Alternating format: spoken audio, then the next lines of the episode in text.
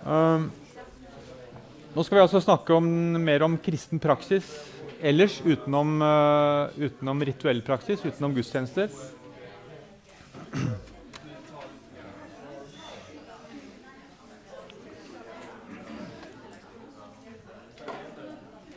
Jeg begynner med å vise et bilde fra Jerusalem.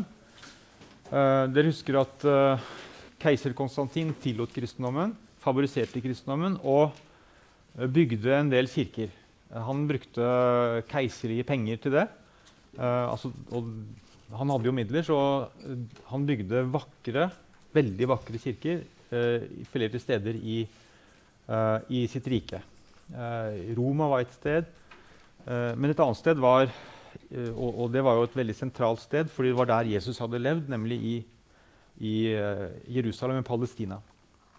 Ok, Så han bygde denne, dette komplekset her, som gjerne kalles gravkirka. Det er det som det gjerne kalles nå. Fordi Jesu grav var der. Altså den graven han ble lagt i um, etter, etter, sin død. Um, opprinnelig het denne kirka Oppstandelseskirka. Eh, men gravkirka er det vanlige nå. Så her ser vi en, eh, en rekonstruksjon av det komplekset. Uh, slik det ble bygd av keiser Konstantin på 300-tallet. Og det vi ser her, da, det er Vi kan begynne med stedene, for her ser vi altså Golgata. Ja, dere, dere ser pira der. Dette, denne lille høyden som Jesus, ble, Jesu kors sto på. Eh, det var tre kors, ikke sant? og det midterste var Jesu kors. Um, så man mente å finne igjen da, uh, dette stedet. Uh, det var mennesker, visstnok, uh, som altså, Det var fastboende lokale personer i Jerusalem som, som, hadde fått høre fra Det var en overlevering, en muntlig overlevering om disse stedene hvor, hvor, det var. Så det var liksom ikke tatt rett fra løse lufta, men det var en tradisjon, en muntlig tradisjon i Jerusalem hvor disse stedene var. Okay, så At Golgata var der. Eh, og så er det denne rotundaen til venstre. Dette runde kirkebygget bygd eh, rundt og over graven. Så det er det som er liksom selve gravkirka, den til venstre.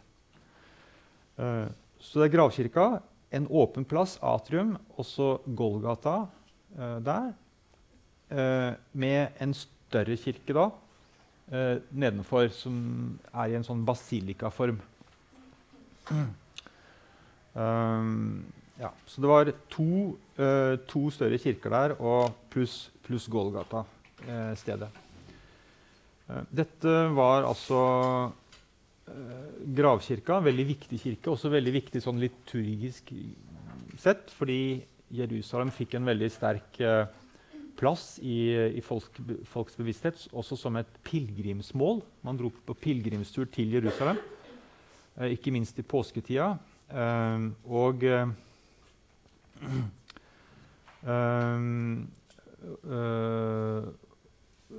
så, så både arkitekturen og liturgien i Jerusalem fikk en, fikk en stor Uh, hadde sterkt rykte og, uh, i, i, kristenheten. Og man, man, imiterte både arkitekturen og liturgien andre steder i, i, den kristne verden.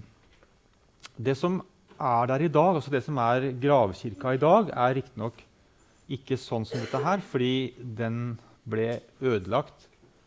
Altså Den ble revet helt ned til grunnen i 1009 av en kalif al-Hakim. En uh, egyptisk kalif som Eh, beordret at alle kirker skulle rives ned. Alle ble ikke revet ned, men denne ble altså helt ødelagt. Og så bygde man opp igjen det som vi ser i vår tid, nemlig ja, det, det, her som dere ser nå. Um, I i hundreåret som fulgte etter denne ødeleggelsen, så ble gravkirka gjenoppbygget av, den, av den bysantinske keiseren. Ok, Noen ord igjen, da. Eh, nå skal vi snakke om eh, spiritualitet, om, om, from, kristen fromhet. Eh, og da er jo eh, klostervesenet ganske sentralt. Eh, Åre Munch en munk er altså en som eh, lever i et kloster, eh, som regel. Eh, det kommer fra gresk 'monachos', og det betyr 'alene'. Det er ikke alltid det man gjør når man bor i kloster, for da bor man sammen. Men opprinnelsen til det er altså at uh, en munk er en, en eneboer, en eremitt. Uh, ordet sølibat betyr at man er uh, ugift. Så det er en, det er en uh, en, en, helt fast del av klosterlivet. Selve ordet kloster kommer av klaustrum, et lukket sted. På engelsk 'monastery', som kommer av, av gresk 'monasterian'. Um, ja. En, en, motsetning som man finner i uh, kristen fromhet, uh, til og med blant noen i dag, uh, er den mellom åndelig og verdslig. Altså at noe, noe er verdslig, noe som tilhører verden eller ja, det jordiske livet, så å si, og noe er åndelig. Det åndelige er som regel da det bra, og det verdslige er det mindre bra. Uh, denne, denne motsetninga finner man uh, fra tidlig tid. Um, men det som er veldig interessant uh, i uh, overgangen til det, tre, til det, fjerde århundret, altså når kristendommen blir en statsreligion, er, er, en forskyving av denne motsetningen. Vi skal se på, se på det nå. Altså, I de første århundrene, før, før rikskirka, før keiserkirka, var at åndelig betydde innenfor kirka, og verdslig betydde utenfor. Altså en innenfor-utenfor-motsetning. Men når kristendommen blir statskirke, eh, og når alle er kristne, så, så fungerer jo ikke lenger denne motsetninga. Um, da er jo på en måte alle innenfor. Så da oppstår det en, en ny motsetning, eller motsetninga får en, en, ny betydning. Nemlig at eh, åndelig eh, blir en, en, en, mer sånn eh, religiøst ivrig eller avansert, for å bruke det dårlige ordet. Uh, en elite da, innenfor kirka. Og verdslig blir, blir, fortsatt innenfor kirka, men altså en mindre åndelig del. Da. Det, eh, så man får f.eks. uttrykket den, altså den, kloster til forskjell fra den verdslige kirka. Så det er litt, litt rart at eh, klosterfolk flyr verden. Eh, altså de, de, drar ut fra, fra verden eh, i et kloster. Men verden er jo også kristen i det tilfellet når hele samfunnet er blitt uh, kristen. Så, men, så en, en, forskyving av denne, uh, denne motsetninga, altså.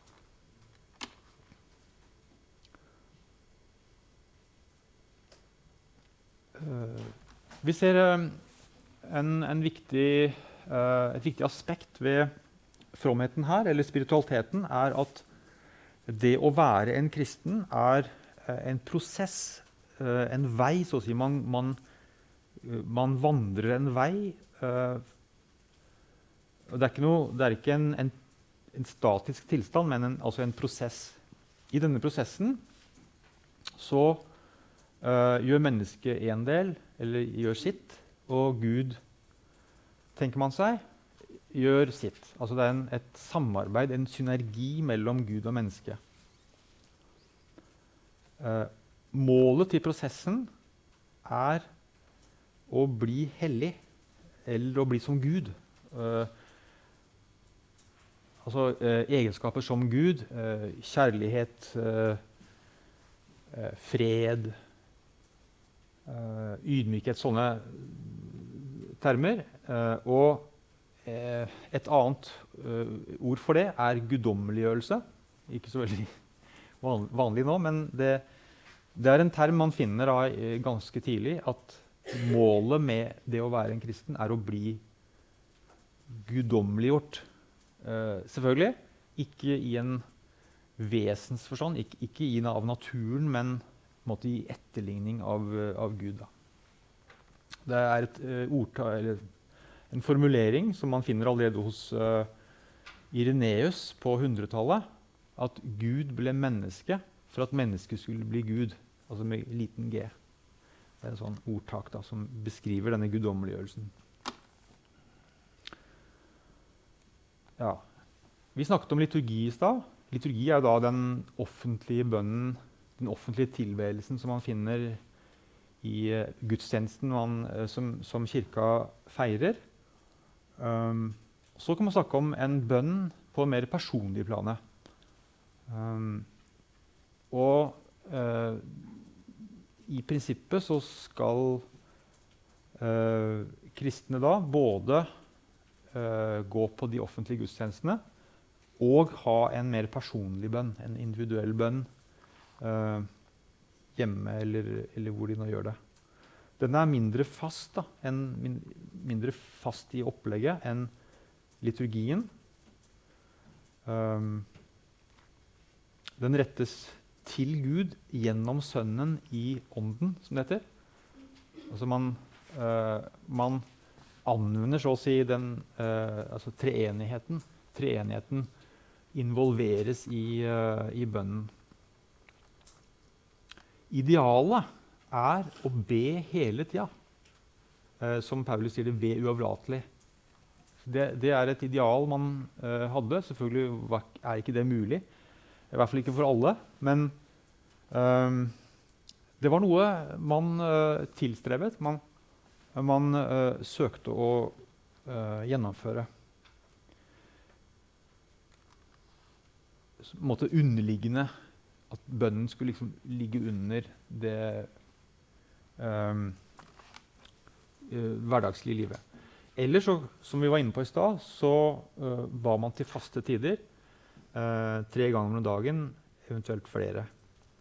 En annen, uh, eller Et aspekt ved personlig bønn er, er, å, uh, er korstegnet. Altså å tegne korsets tegn på seg selv. Um, og det, det, er en liten gest som selvfølgelig symboliserer Jesu død da, på korset. og som man gjorde i forskjellige viktige eh, hendelser. Ja, når man står opp, før man skal spise, eh, hvis det skjer noe farlig. Så, sånne øyeblikk hvor man brukte, kors, brukte, korstegnet. Og på den måten knyttet, ønsket å knytte seg til, eh, til Gud eller til Jesu død og til den kraften som man tenkte var i, i, den, i det. Um, i, i bønn så er det jo øh, øh, Så er faktisk kroppen en viktig del. Um, noen vil tenke at det ikke er det, at kroppen ikke har noen særlig plass i, i bønn. Men, øh, men, i noen religioner så er jo det veldig vesentlig. Hvordan, hvordan man faktisk har kroppen, hva man gjør, hvilke gester man gjør i, i bønnen. Og det var nok det i kristendommen også. I hvert fall så ser man uh, at uh, det var uh, spesielle bønnestillinger. Her har vi en som heter orans, altså bedende på latin. En, en, bedende bønnestilling som vi finner på gamle malerier. Her er det er det fra en katakombe. Jeg har ikke sett noen dato på den, men altså, katakombene er jo fra uh, andre til fjerde århundre. eller noe sånt. Så vet ikke, kanskje vi er på 200-tallet på det bildet her. Um, og den personen i midten står da med hendene løftet. Uh, og denne åransstillingen den uh, er fortsatt i bruk. Uh, ikke så mye i alle tradisjoner, men altså f.eks. hos kopterne i Egypt da, så ser vi hvordan hvordan den er i bruk i, nå. Uh, en annen stilling er bøyning.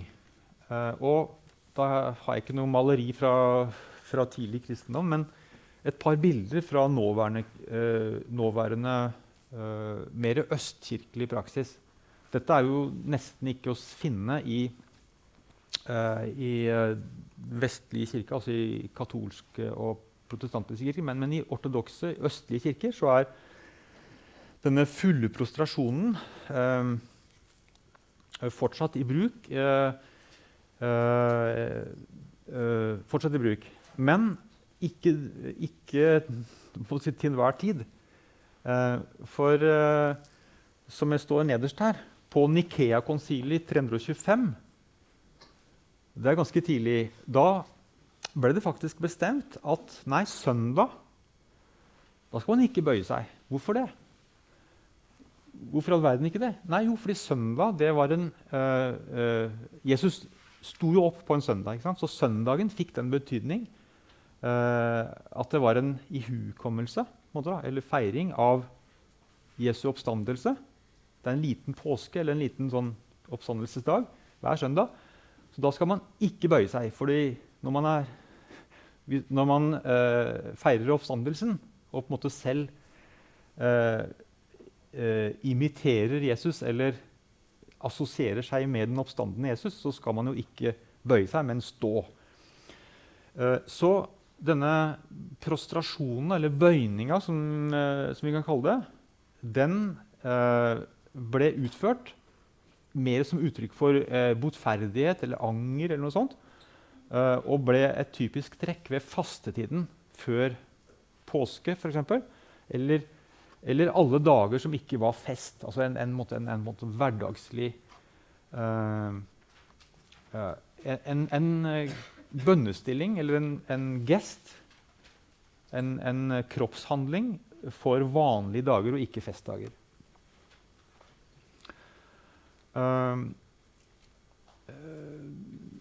Dette er jo en kjent uh, stilling i, innen islam. Uh, sujud heter det. Uh, Men den fins også i jødedommen, så det er helt klart her en, en gammel, typisk bønnestilling som man fant i, i, Midtøsten, i hvert fall. Som alle de tre religionene har fortsatt å praktisere på ulike måter. Da.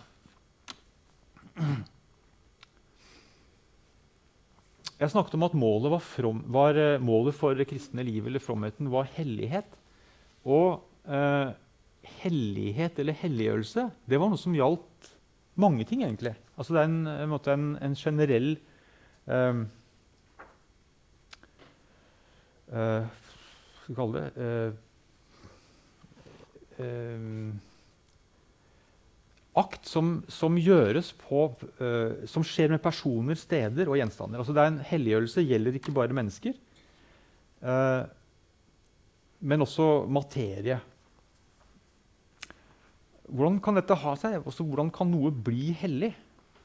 Jo, um, tenker man seg uh, Det som gjør det hellig, er at Guds ånd, Den hellige ånd, Uh, som jo er en ånd, og, og, og uh, ikke er bundet av uh, tid og sted. hadde jeg sagt. Den, denne ånden kan fylle materie, kan liksom gjennomstrømme materien.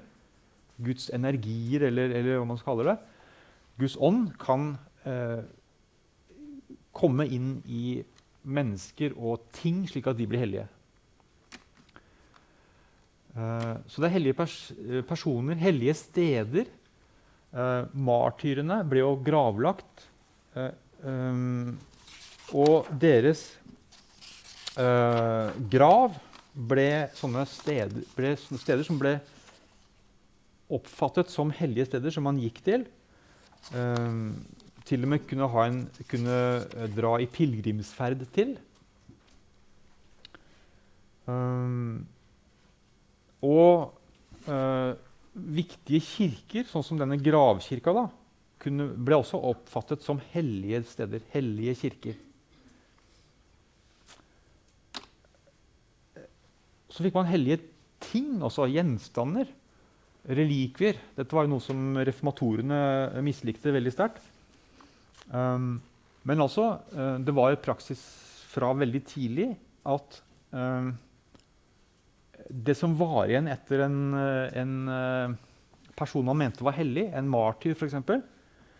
Eh, kropp, kroppsrestene, levningene etter martyren, ble oppfattet som, eh, som hellige ting. Relikvie er jo det som er igjen av Det betyr det som er igjen. Så det som var igjen av uh, martyrer og andre helgener, ble oppfattet som hellige, og man gikk til dem. Man ønsket å ta på dem, til og med. Eh, eller komme i, altså komme i, berøring for å få noe av den kraften som man mente var i den, eh, i den relikvien. Og da fikk man sånne ting som ja, dette er mer tekniske termer da, som, dere, som, man finner i, i, i norsk middelalderkristendom. Inventio, eh, latinsk eh, inventio og translatio av relikvier. Litt pussige ting, men eh, man, eh, når man oppdaget en eh, grav med en, eh, en helgen, f.eks. Det skjedde for med, med Hellig Olav. Hellig Olav ble i Det er litt, litt for tidlig å snakke om ham, men jeg bare nevner det. Altså Hellig-Olav ble eh, gravd opp i eh, var det 1031. Eh, og så så man jo at kroppen var eh, like altså ufordervet. Og man fastslo at han var en, hel en helgen. ikke sant? Og så, altså han, ble, han, ble, funnet inventio, og så ble han eh, translatert. Han ble overført til Nidaroskirka. Eh, eh, og, og begge disse, ting, disse, hendelsene ble etter hvert fester å feire. Man feiret at de hadde funnet ham, og de feiret at han ble overført til, uh, til domkirka. Så, sånn var det bl.a. at kirkeåret ble fullere og fullere av, eh, av feiringer. Ja, helgendyrkelse altså. En, en, viktig del av den kristne eh, spiritualiteten. Eh, målet for alle var å bli hellig, men det var ikke alle som mente man ble det. Eh, derimot var det noen som ble det. Og særlig martyrene ble ansett som helgener fordi de hadde dødd uh, De hadde mistet livet i, fordi de var kristne, altså fordi de hadde holdt fast på bekjennelsen. Bibels pers personer både fra det gamle testamentet og Det nye testamentet, apostelen f.eks., ble regnet som, uh, som hellige. Uh, så tok jo forfølgelsene slutt, uh, og det ble ikke så vanlig med martyrium lenger. Og det som på en måte overtok da, som, som typiske helgener, var ja, biskoper, gjerne, men kanskje enda mer asketene. Og vi skal snakke om askese nå. Det er også av, et av temaene for uh, første oppgave. Så dere som skriver om askese, spiss ørene nå etter hvert.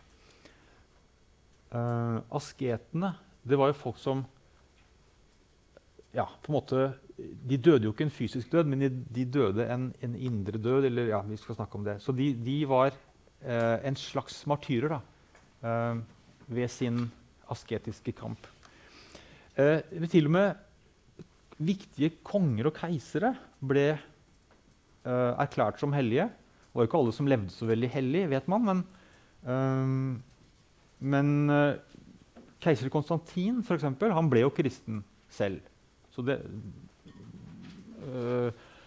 og han, uh, pga. hans betydning for kirkehistorie, at han tillot kristendommen og favoriserte kristendommen, bygde kirker osv., øh, ble regnet som en veldig viktig konge og ble øh, helgenerklært. Og vi kan jo ta vår eh, egen eh, igjen da, hellige Olav. Hellige Olav, som uh, heller ikke levde et eksemplarisk liv, som vi vet, i alle sammenhenger. Men altså, han hadde en viktig betydning som, uh, som en, en, en, konge som kristnet, som hadde betydning for innføringen av kristendommen. Så uh, sånne, sånne dåder som det kunne også kvalifisere til å bli regnet som helgen. Um, ja, martyrene um,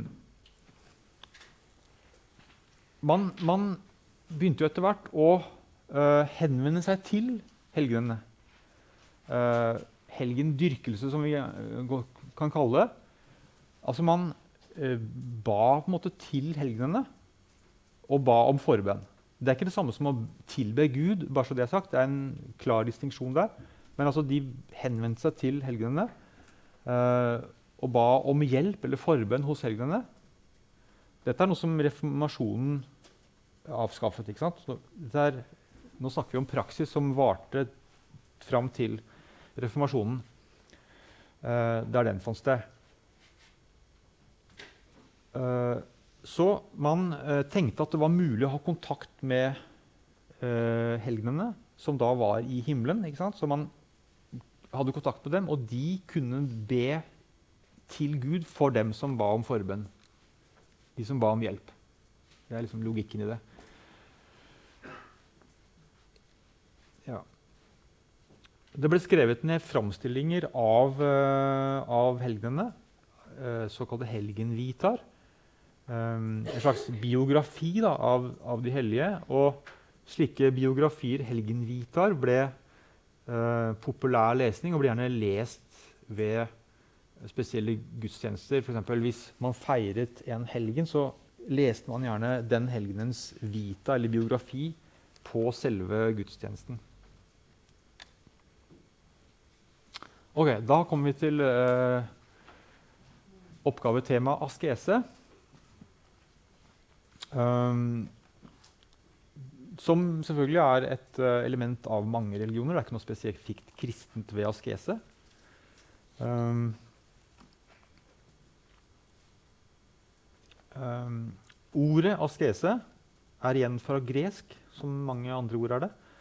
Uh, betyr øvelse eller trening, rett og slett. Så en, en idrettsmann er en asket, på en måte. Um, fellesnevner for askese uh, er på en måte, for å uh, strekke det litt på spissen, er noe negativt. Er en negativ handling. Fordi eh, man, man gjør noe som på en måte er litt, som gjør litt vondt, eller som, som presser igjen en viss forstand på en negativ måte. Altså Man oppgir noe, man gir, gir avkall på noe. Man, øh, man, avstår fra noe, eller fornekter noe, fornekter seg selv. Øh, man gir bort, man ofrer. Sånne, sånne eh, ord og, og, og, og, handlinger. Eh, her har jeg en, um, en, slags, uh, en, slags, liste over hva, hvilke typer hvilke, altså mer, mer, konkret hva askese kan gå ut på. Eh, så man kan avstå fra uh, mat, og da heter jo denne askesen faste. Uh, sex. Man kan avstå fra å vaske seg. Det er ikke så veldig sympatisk, kanskje, men det var noe som ikke vasket seg. man kan avstå fra søvn. Eiendom, altså det å være fattig eller til og med eiendomsløs. uh, er en type askese. Man kan gi bort det man uh, har. Tiende. Man kan til og med gi avkall på sin egen vilje og legge seg under en annens, altså en, en sjef måte, å, å, å, lyde den. Og det er en del av klostervesenet. Klostervesenet har jo tre, gjerne tre sånne øh, prinsipper. da. Uh, sølibat, altså ikke, ikke, sex, ikke noe ikke noe ekteskap eller, eller noe samliv. Uh, ingen eiendom. Man er i et kloster hvor, uh, hvor, eien, hvor man ikke eier noe, egentlig. Uh, og ingen vilje, ingen egenvilje, fordi man er under lydighet av en leder, en abbed, gjerne. I tillegg til sånne uh, sånt avhold på forskjellige måter, da, så kan askese også sies å være bønn. Altså at man eh,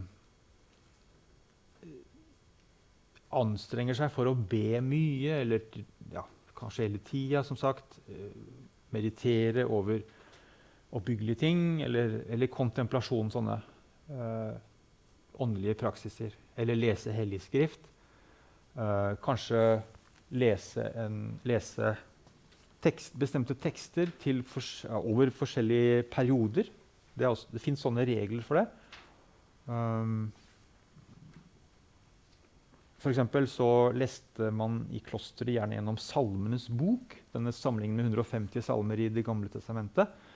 Uh, gjennom, enten på en dag, det er ganske mye, eller uh, ei natt. Sånn natt, nattevåk. Eller ei uke eller en måned. Forskjellige perioder hvor man leste gjennom, eller sang gjennom sånne tekster. Um, ja. Så askese er på en måte noe negativt. da. Noe litt vanskelig eh, vondt. Men eh, den har jo en bakside, og her er baksiden positiv. Eh, for hensikten med askesen er jo da positiv. Altså man, man, avstår fra noe for å oppnå noe bedre. Eh, og da er dette bedre, dette gode som man ønsker å oppnå, noe åndelig eller religiøst. Eh, en tilstand, f.eks. Eh, så vi kan si at eh, målet med askesen innenfor en kristen sammenheng vil være eh, Og her blir det metaforer, på en måte, i hvert fall delvis. Eh, eh, for å si det veldig enkelt, bli mer åndelig og mindre verdslig. Var inne på den denne distinksjonen åndelig-verdslig. Altså å bli mindre bundet til det jordiske, bli mindre bundet til denne verden. Um, og mer knyttet da til den guddommelige verden. Uh, I den uh, uh, kristne antropologien, eller forståelsen av mennesket, så snakker man om lidenskaper eller begjær og lyster. Det er også delvis tatt fra gresk filosofi. Uh, men uh, lidenskaper ses da på som noe negativt, fordi man har lyster og lidenskaper som på en måte binder en. Man blir bundet av disse dragningene, disse tendensene i en selv. Og målet er jo da å være fri og ikke bundet til sånne ting. Så man, tenker man da, når man er fri fra det, så kan Gud og Guds ånd komme isteden. Liksom. Kan komme inn, og da er mennesket mer fritt til å ta imot det. Uh, og når man på den måten blir fri fra sånne uh, lidenskaper og, uh, og, begjær, så kan man handle på en mer åndelig eller gud, gudelik måte. Altså som, som, ligner på Guds handlinger. Og ut fra åndelige motiver, sånn som kjærligheten. Og da kan man nå hellighet, guddommeliggjørelse, frelse. Så askesen jo da, kommer jo da inn som en innsats. Eh, krevende nok på sin måte. En innsats som mennesket gjør i denne synergien, denne prosessen som livet forstås som. Den åndelige veien som en prosess hvor askesen er en del av menneskets egen eh, innsats. Eh, for dere som er vant til luthersk teologi, og det antar jeg er, er eh, en del av dere, eh, og reformasjonen, liksom, så er det her en, en, litt annerledes måte, eller ganske annerledes måte å, å tenke på om, om, det kristne livet, om, om, frelsen. Det kommer dere inn på til, når dere kommer til reformasjonen. Så dette er jo noe som Luther reagerte mot. Denne måten å tenke på frelsen som en, et samarbeid mellom Gud og menneske. I, uh, Luther han understrekte jo den uh, guddommelige rollen, Guds rolle i, i, frelsen. Så det er en litt annen, litt annen forståelse av, uh, av fromheten eller spiritualiteten. Ok, vi, Dere vet at klostrene var viktige områder, viktige arenaer for uh, fromheten. Men uh, klostrene kom ikke ut av ingenting. Det var en, en forløper for klostrene i menighetene. og Det er viktig. Så i menighetene Vi er da, sant, vi er da før 300. Så vi, de tre første århundrene så var det asketiske strømninger, altså tendenser, i, i helt vanlige kirker, helt vanlige menigheter. Uh, vi, ser dem, vi, ser sånne uh, strømninger eller tendenser blant grupper som hadde navn som jomfruer, enker. Og det er på en måte tekniske termer for en, type, en gruppe, for grupper innenfor menighetene. Uh, det ser man allerede faktisk i Det nye testamentet, i de senere brevene uh, i, i, Det nye testamentet. Uh, nevner sånne jomfruer Nei, enker er det. Som hadde spesielle roller i menigheten. I Syria så kaltes de sønner og døtre av pakten. Uh, Sølibat her er det mangler litt. Uh, og disse uh, Vi kunne kalle dem menighetsasketer. Uh, altså ikke ennå klosterfolk eller munker og nonner, men vanlige troende i menighetene som, som gjerne viet livet sitt på en litt spesiell måte til et eller annet. Enkene de hadde jo bare seg selv, jomfruer, og, og kunne, gå, kunne, danne grupper innenfor menighetene som eh, ja, Hva gjorde de? Jo, de ba veldig mye. altså Bønnen var en veldig viktig del av det. Um, eh, bibellesning, faste, eh, enkle klær og det å uh, utøve ja, nestekjærlighet, også å hjelpe fattige, syke osv. Så Sånne ting. Dette var uh, ting de gjorde.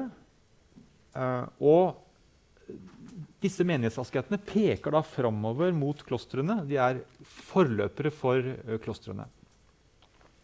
Okay, det, snakker, det, jeg snakker om nå, det er jo askese innenfor proto-ortodoks kristendom og etter hvert katolsk kristendom. Uh, vi finner eksempler på askese eller asketisk, asketisme i, også i andre grupper som jeg nå kaller heterodokse, altså eh, andre grupper enn de protortodokse. F.eks. montanismen, denne profetiske bevegelsen. Noen, kalt, noen het, kalles nå enkratistene, og det, de var jo så ekstreme at de forbød ekteskap. Og da kan man spørre seg hvordan de kunne vare veldig lenge. Uh, den bevegelsen. Men, uh, så det er, det er ekstreme uh, varianter av askese som ikke slo gjennom, selvfølgelig. Gnostikerne hadde et negativt syn på kroppen. Noen av dem levde veldig asketisk, men siden de mente at kroppen på en måte ikke var noe viktig, det var bare ånden som var viktig, så kunne jo det slå helt motsatt ut. òg. at de bare gjorde si, hva de hadde lyst til. fordi det var jo bare kroppen uansett. Ja. Så eh, Mot slutten av 200-tallet så begynner vi å se at eh, denne askesen, denne asketiske strømninga som vi altså har funnet i menighetene, den begynner å eh, trekke seg ut av menighetene og bli en egen, en selvstendig institusjon. Og da oppstår klostervesenet. Um, så uh, rundt år 300, altså, og det er før kristendommen blir statskirke Så klostervesenet ikke, uh, oppstår ikke som en følge av det. Uh, dette er noe som skjer før kristendommen blir statskirke. Uh, man snakker ofte om Egypt. ikke sant? Antonius den store, Pacomius den store. Sånne viktige figurer i Egypt. Men det som, eh, det som er tydelig, er at uh, dette skjer i, i, de fleste områdene av, av uh, den kristne verden uh, omtrent på samme tid. Ja. Så man måtte fornekter verden, som heter det, og, og drar vekk fra menighetene og gjerne vekk fra sivilisasjonen, ut i ørken eller um, andre sånne øde områder. Uh, klostrene uh, de trakk seg jo vekk, gjerne, da, selv om det også var klostre i byene. Men uh, de ble en slags åndelige kraftsentra for, for de troende, for kristendommen.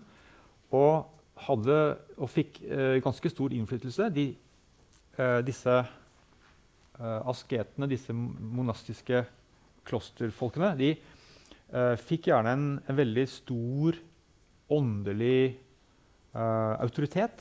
Folk kom til dem for å be om råd, for å, ja, for å snakke med dem, for å bli inspirert av dem. Uh, mange ble valgt til biskoper. Ja. Uh, nå går tida her, men vi rekker litt til. vi kan nemlig dele opp kloster... Ja, klosterbevegelsen i ulike typer etter hvordan de er organisert. Ikke alle dro vekk ut i ørkenen eller hvor den var, men noen, var, uh, noen ble værende i, i, i, byen og til og med i menigheter eller i katedraler, større kirker, større, biskopskirker i byene. Hadde gjerne grupper av asketer eh, boende nær katedralen. Og dette finner man i norsk middelalder, ikke minst. Da het de kanniker. Um, sånne kannikfellesskap var en viktig del av uh, katedralene, som ofte sto for tidebønnen. Så den daglige bønnen som ikke var nattverd, den ble utført av disse kannikene, katedralmunkene. Uh, det motsatte var jo da uh, eremitter, eneboere, som bodde helt aleine. så var det uh, såkalte kenobittisk kloster. Dvs. Si at man hadde alt felles. Koinos bios, uh, felles liv. Så det var uh, klostre hvor alle bodde sammen og gjorde, spiste sammen, ba sammen osv. Fellesskapsklostre. Uh, så er det en mellomting som heter lavra, en halveremittisk, hvor de bodde aleine i huler og andre steder. Mandag til fredag så kom de sammen og møttes i helga og hadde felles, eh, fellesliv bare da. Ok, Noen få bilder. Her er eh, et veldig kjent kloster nær eh, Betlehem, eller altså utenfor, uh, utenfor Betlehem i ørkenen der. Uh, heter Marsavas. Det fins ennå. Uh, har eksistert siden det ble grunnlagt på 500-tallet. Veldig viktig kloster egentlig i historien. Og Vi ser her en sånn hule da, til venstre. Den er langt oppi en sånn eh, en klippe der. Eh, en liten hule med et ikon ser vi, og en, en, en eh, teppes der. Så der bodde det en munk. da. Et, fortsatt, tror jeg. For det er jo i funksjonen fortsatt. Um, I Egypt så var det altså, veldig, veldig, viktige sentra for, for, klosterbevegelsen. Her ser vi noen uh, sånne eremitasjebilder av det som er igjen da, av sånne små små klostersamfunn hvor det kanskje bodde fem-ti mennesker på, på, hvert av disse stedene. Uh, Benediktinerklosteret og ordenen var jo veldig viktig i den vestlige tradisjonen. Og her er uh, Monte Cassino, som var det stedet hvor Benedikt uh, selv bygde sitt kloster. Og det er en rekonstruksjon, for det er blitt ødelagt. Ok, um, det var det jeg hadde. Så um, da var det fjerde forelesning. Og Så har, vi, har jeg en til med dere neste gang. Og da Nå har jeg snakket fire ganger om de første seks århundrene, og så skal jeg snakke én gang om de neste seks århundrene. Så da tar vi et uh, langt uh, og raskt hopp, hopp inn i middelalder.